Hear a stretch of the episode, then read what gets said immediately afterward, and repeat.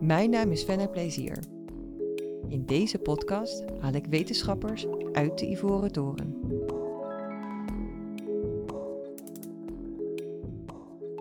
Het is eind september, de hete zomer lijkt nu echt voorbij te zijn. Maar het klimaatdebat is verhitter dan ooit. Wereldwijd vinden er klimaatstakingen plaats waarbij miljoenen mensen de straat op gaan. Al die mensen zijn geïnspireerd door een 16-jarig meisje uit Zweden, Greta Thunberg. Ze spreekt de wereldleiders toe met maar één boodschap. I have not come to offer any prepared remarks at this hearing. I am instead attaching my testimony. It is the IPCC Special Report on Global Warming of 1.5 degrees Celsius, the SR 1.5, which was released on October 8th, 2018. I am submitting this report as my testimony because I don't want you to listen to me. I want you to listen to the scientists. And I want you to unite behind the science. De wetenschapper heeft een belangrijke rol in het klimaatdebat. Zijn ze zich wel bewust van die rol? En spreken ze zich wel genoeg uit? Een jaar geleden was ik op een lezing waar de Europarlementariër van GroenLinks, Bas Eickhout, een zaal vol milieuwetenschappers vroeg: Waar zijn jullie? De wetenschapper is onzichtbaar in de politieke arena, terwijl wij juist jullie nodig hebben. Ik zie lobbyisten, maar ik zie jullie niet. En ook de wetenschappers zelf betwijfelen of ze wel genoeg doen om de urgentie duidelijk te maken. Zo schreven twee jonge onderzoekers een opiniestuk in Trouw met de titel Wanneer trekken wij, wetenschappers, de groene hesjes aan?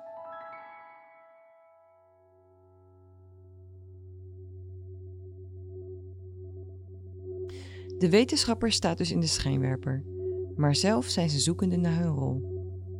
Om meer te weten te komen over deze rol, spreek ik af met de belangrijkste persoon binnen de Universiteit Leiden. Ik ben Karel Stolker en ik ben rector magnificus van de Universiteit Leiden. De rector is een, um, is een, is, is, is het, je zou kunnen zeggen, het boegbeeld van de universiteit. Die staat voor het academisch onderwijs en het onderzoek.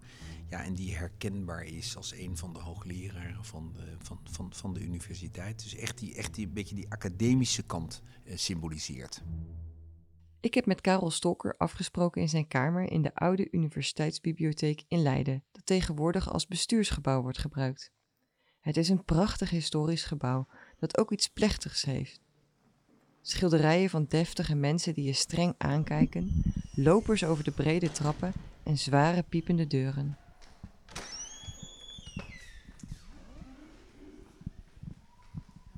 Dit zijn grote kamers waar wij als college van bestuur in zitten. Dat heeft te maken met het feit dat dit een oude bibliotheek is. Um, en hier worden natuurlijk ook ontvangsten georganiseerd. Dus, nou, burgemeesters of, um, of ambassadeurs langs krijgen of ministers, dan gebeurt dat hier. In het bestuursgebouw hangen statige portretten van de rectoren die Karel Stokker voorgingen. Een stuk of zeven, en allemaal zijn het mannen. Maar ook één dode vrouw. Dat zijn, ja, het, zijn, um, het zijn portretten van, van oude hoogleraren, soms van eeuwen geleden. Een oude traditie was dat. Als een hoogleraar ophield, dan werd er van hem of later ook van haar een portret geschilderd. En daarvan heb ik er nu een paar hangen hier aan de muur. Ben ik nu in het hart van de Ivoren Toren beland? Nou, leuke, leuke vraag. Hè? Dat is ook vaak een. Het is, het is niet een compliment voor universiteiten. Dus er wordt vaak over universiteiten gesproken als um, dat zijn ivoren torens. En er zitten hoogleraren die zitten er heel diep na te denken. Zonder enig contact met de samenleving. Als je hier zo binnenkomt, je moet nog een paar trapjes op ook. Dan heb je inderdaad wel een beetje het idee dat je in een soort heilige der heiligen terechtkomt. En ja, daar ziet het ook een heel klein beetje naar uit met die schilderijen en die, en die oude hoge kamer. Ik denk dat het beeld van de universiteit als een ivoren toren, in ieder geval in die hele negatieve klank van het woord, dat, dat die niet meer of veel minder bestaat dan vroeger. Dus dat is echt wel veranderd. Dus wetenschappers proberen een beetje, een beetje de afzondering te zoeken op diep na te denken. Maar dat betekent niet dat ze de band met de samenleving dus niet willen. Um, alle wetenschappers vinden het fijn als hun uitvindingen um, gebruikt worden, hun boeken gelezen worden, hun publicaties impact hebben. Ehm, maar dat echte nadenken, ja, daar moet het soms heel stil voor zijn. Vanuit het hart van de universiteit vraag ik wat de rol van wetenschap moet zijn in het klimaatdebat. Hoe blijf je je onafhankelijkheid bewaren als je ook invloed wil uitoefenen op de politiek bijvoorbeeld?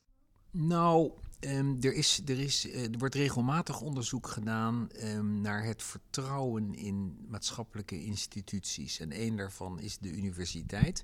En het is interessant dat de universiteit steeds vooraan staat. Dus als je als je vraagt aan de mensen, hebt u meer vertrouwen in de universiteit dan in de politiek? Dan zeggen ze meer vertrouwen in de universiteit. Ehm, en op de tweede plaats staat de rechterlijke macht in Nederland. Ook een, ehm, heb ik ze altijd wel, leuk gevonden, want dat is natuurlijk ook een beetje mijn andere wereld. Dus de universiteit en de rechterlijke macht worden vertrouwd. Ehm, en dan komen het bedrijfsleven en de politiek en andere instituties die ons land kent. Maar ik denk wel dat inderdaad dat vertrouwen van de samenleving in wat je doet, dat is wel absoluut voorwaardelijk voor het succes van de universiteit. Als mensen jou niet meer vertrouwen, ja, dan heeft de academie een enorm probleem. Zeker ook in deze tijd van nou fake news en, en, en nou ja, mensen die aan alles twijfelen of die zand in de machine proberen te gooien. Um, het moet zo zijn dat de politiek um, of de journalistiek um, of, de, of nou ja, wie dan ook in de samenleving met recht kan vertrouwen op de juistheid van wetenschappelijk onderzoek. En als, als we dat niet waarmaken, als we die belofte niet waarmaken, dan hebben we een probleem.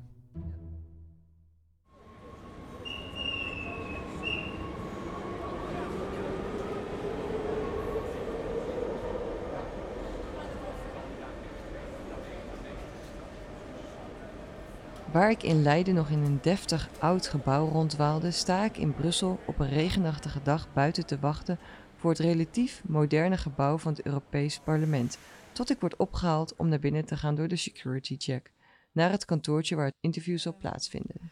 Nou, um, uh, Bas, zou je je willen voorstellen aan de luisteraars? Jazeker, uh, Bas Eickhout, uh, Europarlementariër voor GroenLinks en uh, voormalig klimaatonderzoeker, maar dat is al wel echt een tijd geleden. Hij geeft antwoord op de vraag of de wetenschapper wel een kans maakt tegen al die lobbyisten. Ja, kijk, je gaat het heus wel eens afleggen tegen, tegen, tegen lobbyisten. Maar ik denk dat als een wetenschapper zijn taak goed doet, heeft hij één heel groot voordeel, in theorie. En dat is dat hij vertrouwd wordt op de boodschap. Daar zit geen deelbelang achter. En dat is natuurlijk een lobbyist, is per definitie een deelbelangbehartiger. En dat weten mensen. Ik bedoel, politici willen dat soms even vergeten, maar stiekem weet elke politicus dat een lobbyist een deelbelangbehartiger is. En dat is natuurlijk wat de wetenschapper boven elke lobbyist heeft. Dus ja, je gaat nooit de aantallen verslaan. Dus je moet het op kwaliteit doen. En toch, zegt Bas, is de invloed van wetenschap in de politiek niet heel groot. Wat merken ze in Brussel dan van die wetenschappers? Ik kan natuurlijk niet een, een, een antwoord voor iedereen geven, maar wat, wat, ik, wat mij opvalt is dat um, vanuit de Brusselse politiek wordt er natuurlijk naar wetenschap gekeken uh, vanuit uh, we hebben onderzoeksbudget. En iedereen vindt innovatie belangrijk, iedereen vindt wetenschap belangrijk. Maar wat je wel heel erg het gevoel hebt van dat wordt dan in één ministerie gestopt. Uh, die beheert het onderzoeksbudget. En die is dus heel veel bezig, waar ook universiteiten natuurlijk allemaal onderzoeksprojecten indienen, die worden beoordeeld. En dan heb je wel of niet een, een onderzoeksproject met andere partners in Europa. En dat vindt iedereen belangrijk. Maar waar toch nog steeds een, een, een, een, een, gat zit, is van dat onderzoek dat gebeurt, mede door Europees budget en Europees geld, wanneer bereikt dat nou de politieke besluitvorming? En er gebeurt ongetwijfeld allemaal geniaal werk, maar het is natuurlijk de bedoeling dat het ook ergens een weg vindt naar, naar politieke besluitvorming. En dat, dat is toch nog steeds te beperkt. Ik, ik kwam uit die wetenschap. Dus voor mij um, is de wetenschap niet eng. En ik, het valt mij wel op, kijk, voor politici zijn wetenschappelijke rapporten, wetenschappelijke studies echt wel vaak heel complex. En dan weet ik dat er steeds meer aandacht wordt besteed aan de samenvatting schrijven en proberen het helder op te schrijven. Maar om heel eerlijk te zijn, slagen wetenschappers daar nog steeds niet goed in. Om echt een leesbaar verhaal te maken over het onderzoek dat, dat je hebt gedaan. Uh, dat is ook, weten, wetenschappelijk heb je het ook anders geleerd. Je schrijft namelijk op wat je gedaan hebt. Je moet je methodologie verklaren. Daar zit een hele logische redenering vanuit de wetenschap in. Maar de politiek is minder geïnteresseerd in de methodologie. Dus dat, dat is allemaal complex. Oké, maar wat zijn de conclusies?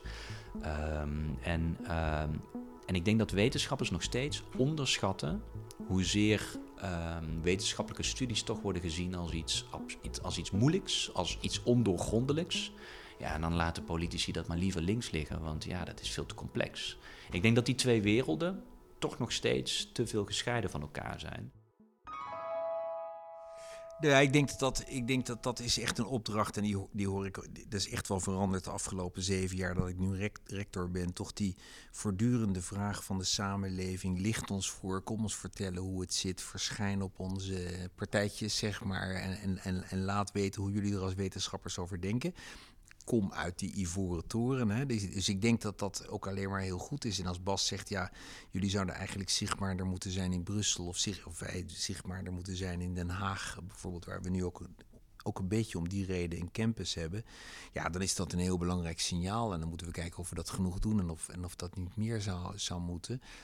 Um, ik, denk, ik denk wat nou ja, wat jullie nu doen vanuit het Center for Sustainability en het CML met de podcasts en, en, en de filmpjes die jullie maken en het twitteren en het wetenschappelijk onderzoek naar buiten brengen. De websites op allerlei manieren gebeurt dat. Het is heel fascinerend om te zien hoe wetenschappers ook steeds meer ook sociale media um, gebruiken in het verspreiden van hun onderzoek.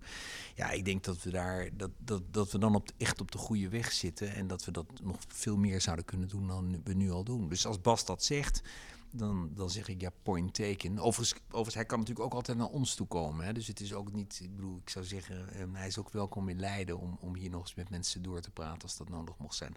Maar we moeten elkaar nog meer zien te vinden, wetenschap en, en samenleving. Ja, en daar, is, ja, dat, daar proberen we veel aan te doen. Een warm welkom en dat nog wel van de rector magnificus.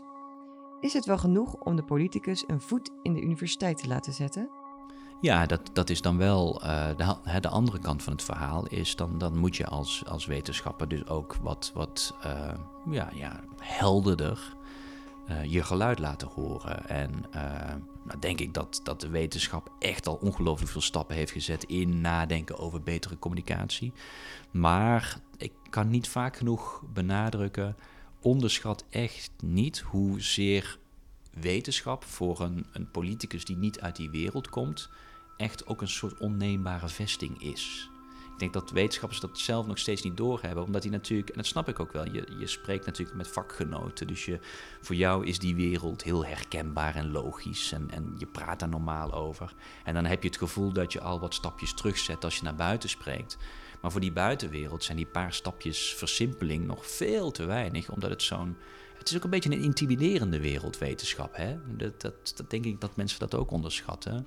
Hè, wetenschappers dat zelf onderschatten. Het is, het is intimiderend, die kennis die daar zit. En dan, nou ja, dan, dan is het voor politici soms dus ook heel makkelijk om dan maar te zeggen: Nou, ik luister maar niet naar. Die intimiderende wereld is niet alleen complex, ook lijken de wetenschappers het vaak onderling niet helemaal met elkaar eens te zijn. En dat heeft lange tijd gezorgd voor verwarring, terwijl juist bij het klimaatdebat een heldere boodschap essentieel is. Nou is een van de lastige dingen dat veel van het wetenschappelijk onderzoek dat ontstaat in trial and error en dat staat, ontstaat in debat tussen wetenschappers. Dus wat wetenschappers altijd doen, dat is ze lezen een stuk van iemand of ze lezen een boek en gaan dan, en gaan dan nadenken, maar klopt dat eigenlijk wel wat daar staat? Dus we zijn als wetenschappers dus eigenlijk ook voortdurend bezig om twijfel te zaaien over wetenschappelijk werk van anderen.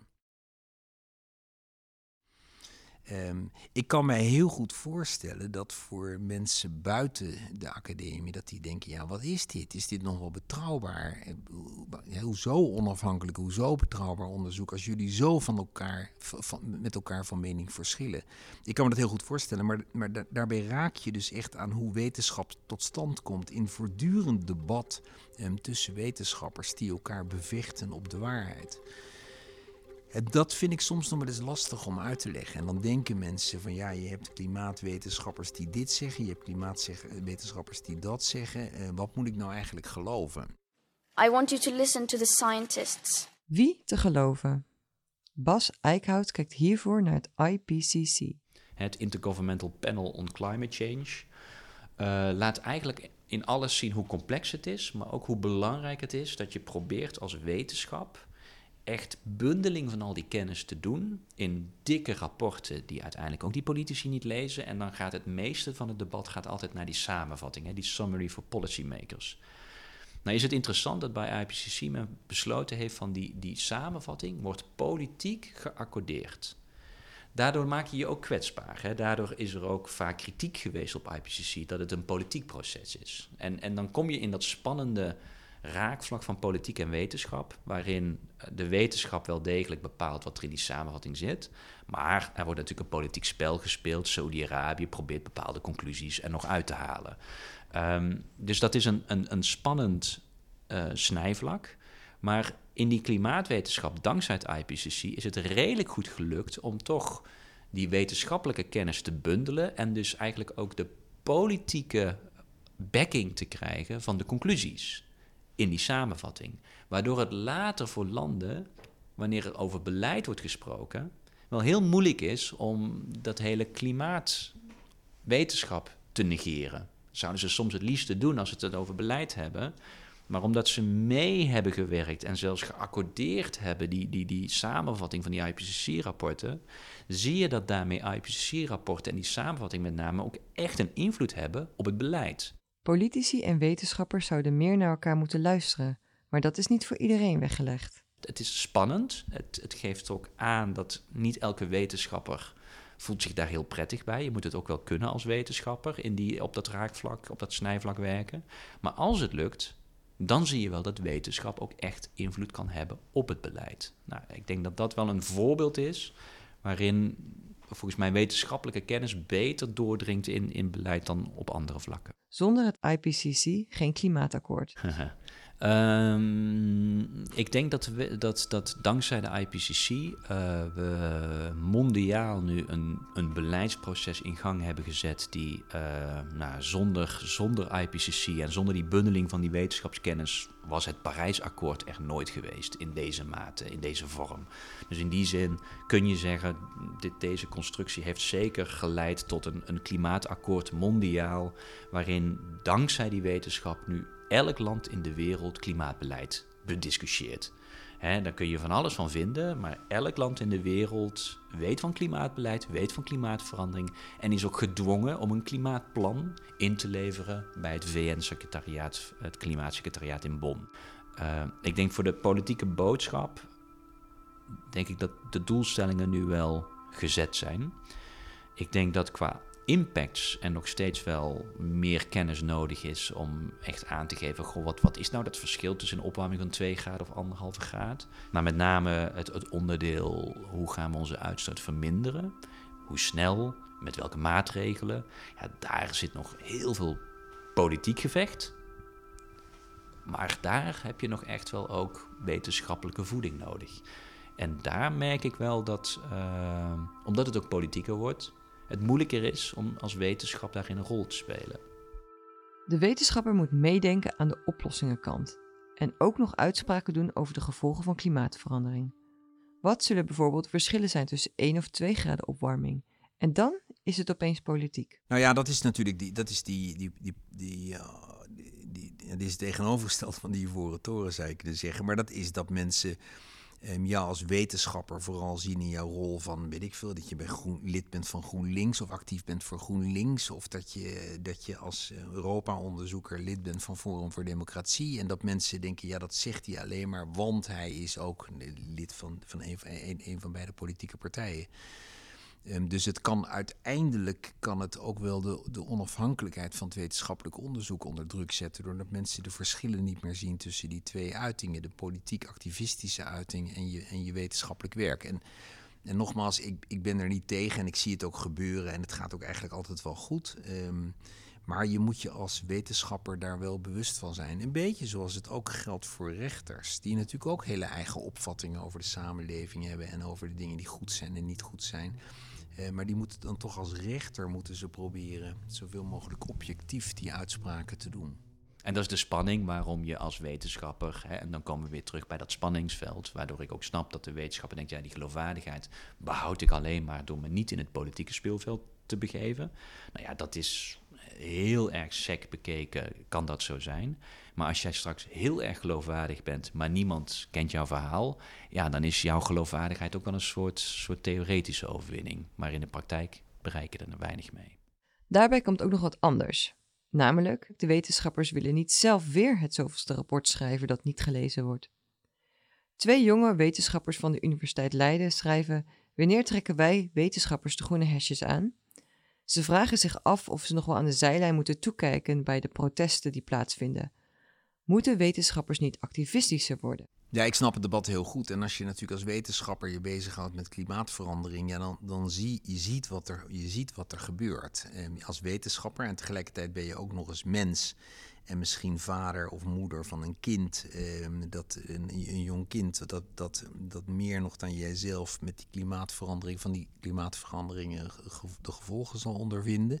Dus ik snap heel goed dat bij wetenschappelijk onderzoekers, klimaatonderzoekers, dat daar de, nou ja, die relatie met, met hun dagelijkse persoonlijke werkelijkheid heel sterk is.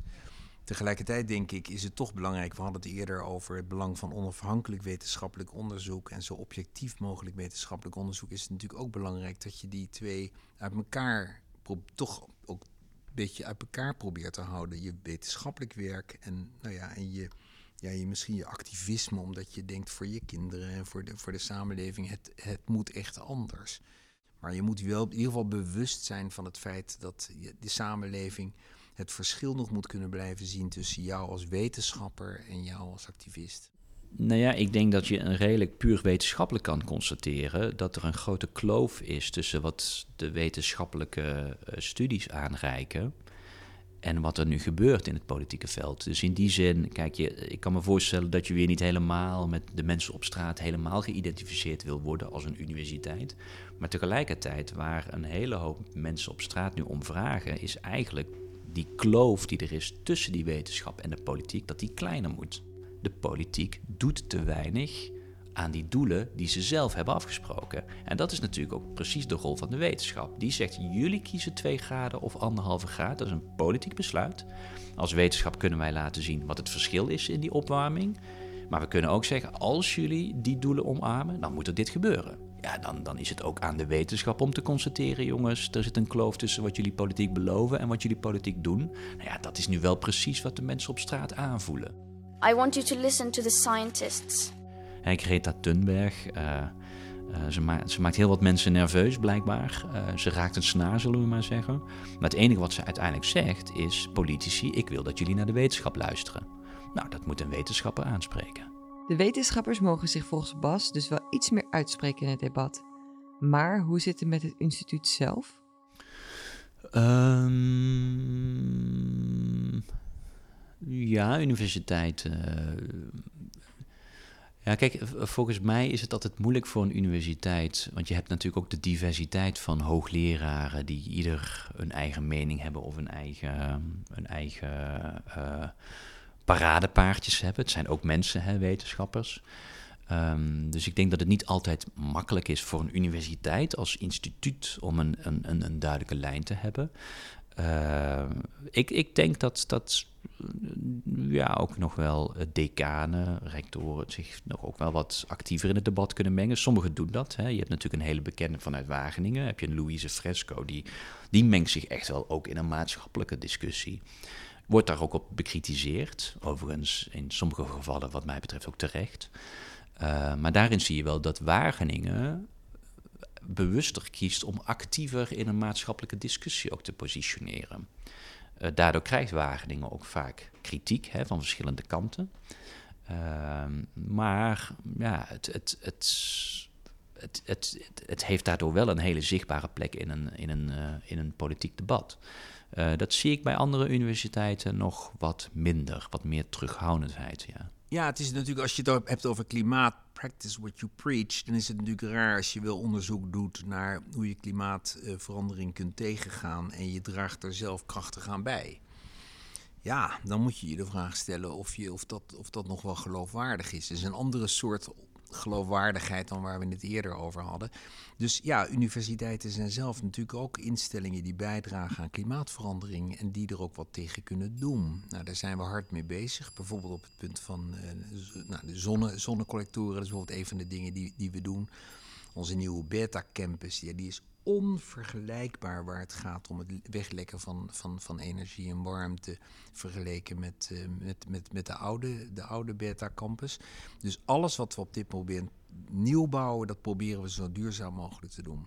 Maar er zitten ook andere dingen aan, bijvoorbeeld um, dat reizen van ons. We hebben natuurlijk een traditioneel um, zijn wetenschappers uh, voortdurend op weg naar congressen. Ze, gaan naar, ze, gaan, ze zoeken collega's op. Ze, ze, ze, ze, studeren in, in bibliotheken in andere landen.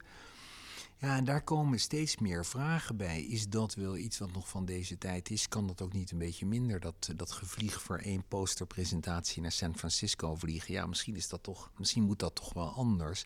En je ziet nu over de hele wereld dat ook aan wetenschappers wordt gevraagd: ja, moet dat toch niet een beetje, een beetje anders dan je het altijd hebt gedaan? En dat is een hele terechte vraag. Het is, het is niet geloofwaardig als je aan de ene kant dat, klimaatonderzoek doet en aan de andere kant er meer dan de gemiddelde Nederlander aan bijdraagt. Is gewoon niet goed. Karel heeft ook nog een vraag aan Bas. Nou, ik zou van Bas, want ik, ik geloof erg in hem, ik, ik zou van hem willen weten, wat kunnen, wij, wat kunnen wij als universiteiten nog meer doen om jullie ook te voeden in Europa, in, in, in dat klimaatdebat? Wat, wat kunnen wij nog meer doen? We hebben um, in, in Leiden, in Delft en in Rotterdam hebben we eigenlijk alle wetenschappelijke um, um, disciplines bij elkaar. Laat ons weten waar jullie daar ook in Brussel uh, nog behoefte aan hebben. Welke kennis nodig is. Welke rol onze studenten daar eventueel nog in zouden kunnen, zouden kunnen spelen. Dus laat ons weten wat we, waar we kunnen helpen. In zijn antwoord komt Bas met het voorbeeld van groene waterstof. Een spannende technologie waar nog veel onderzoek naar gedaan moet worden. En waar politici heldere keuzes en voor- en nadelen moeten worden voorgeschoteld. Um, daar, dat, dat is een voorbeeld waarin je wel laat zien van, daar is heel veel kennis. Hè. Karel heeft gelijk, er zit heel veel kennis. Ook juist hè, bij de universiteiten van uh, Leiden, Rotterdam. Um, dus dus dat, is, dat is volgens mij kennis die er wel is. Waarbij er ook echt hele duidelijke meningsverschillen zijn. Hè. De ene ziet veel meer potentie in waterstof dan de andere. Nou, wees niet bang om die meningsverschillen te laten zien, zodat ook uiteindelijk een politiek besluit op basis van dat soort inzichten. Nou ja, dan, uiteindelijk is het aan de politicus om daar een keuze in te maken. Maar soms heb je echt het gevoel dat, dat, dat wetenschappers, de ene dan is het waterstof ongeveer de oplossing, en voor de andere wetenschapper is het een te zwaar overtrokken verhaal. Ik denk dat er heel veel behoefte aan is om, om wat meer ook hier een assessment van te maken. Waar staan we nou met dit soort kennis? En, en waar zit een beetje de, de vraagstukken waardoor sommige wetenschappers daar zo'n totaal andere visie op hebben? Probeer dat soort, dat soort visies bij elkaar te brengen. Niet door er één verhaal van te maken, maar laat zien waar zeg maar, je, je, je de manier van hoe je kijkt naar het, het vraagstuk ook al nou, eigenlijk een beetje de, de, de wetenschappelijke conclusies kan voeden. En dan is het aan de politiek om daar iets mee te doen, maar dan wordt het in ieder geval helderder. En ik denk dat op er ongelooflijk veel discussies aan gaan komen nu met klimaat, omdat we eigenlijk de hele economie gaan omgooien. We gaan naar een circulaire economie. We gaan naar een andere rol voor plastics. Uh, dat wordt niet meer fossiel plastic, maar wat dan wel? Uh, daar, daar zijn zoveel veranderingen die dus echt transitie in zich meebrengen. Je gaat van een oude economie naar een nieuwe economie. Ja, dat is heel moeilijk. Daar is geen exacte wetenschap, er is geen exact antwoord op.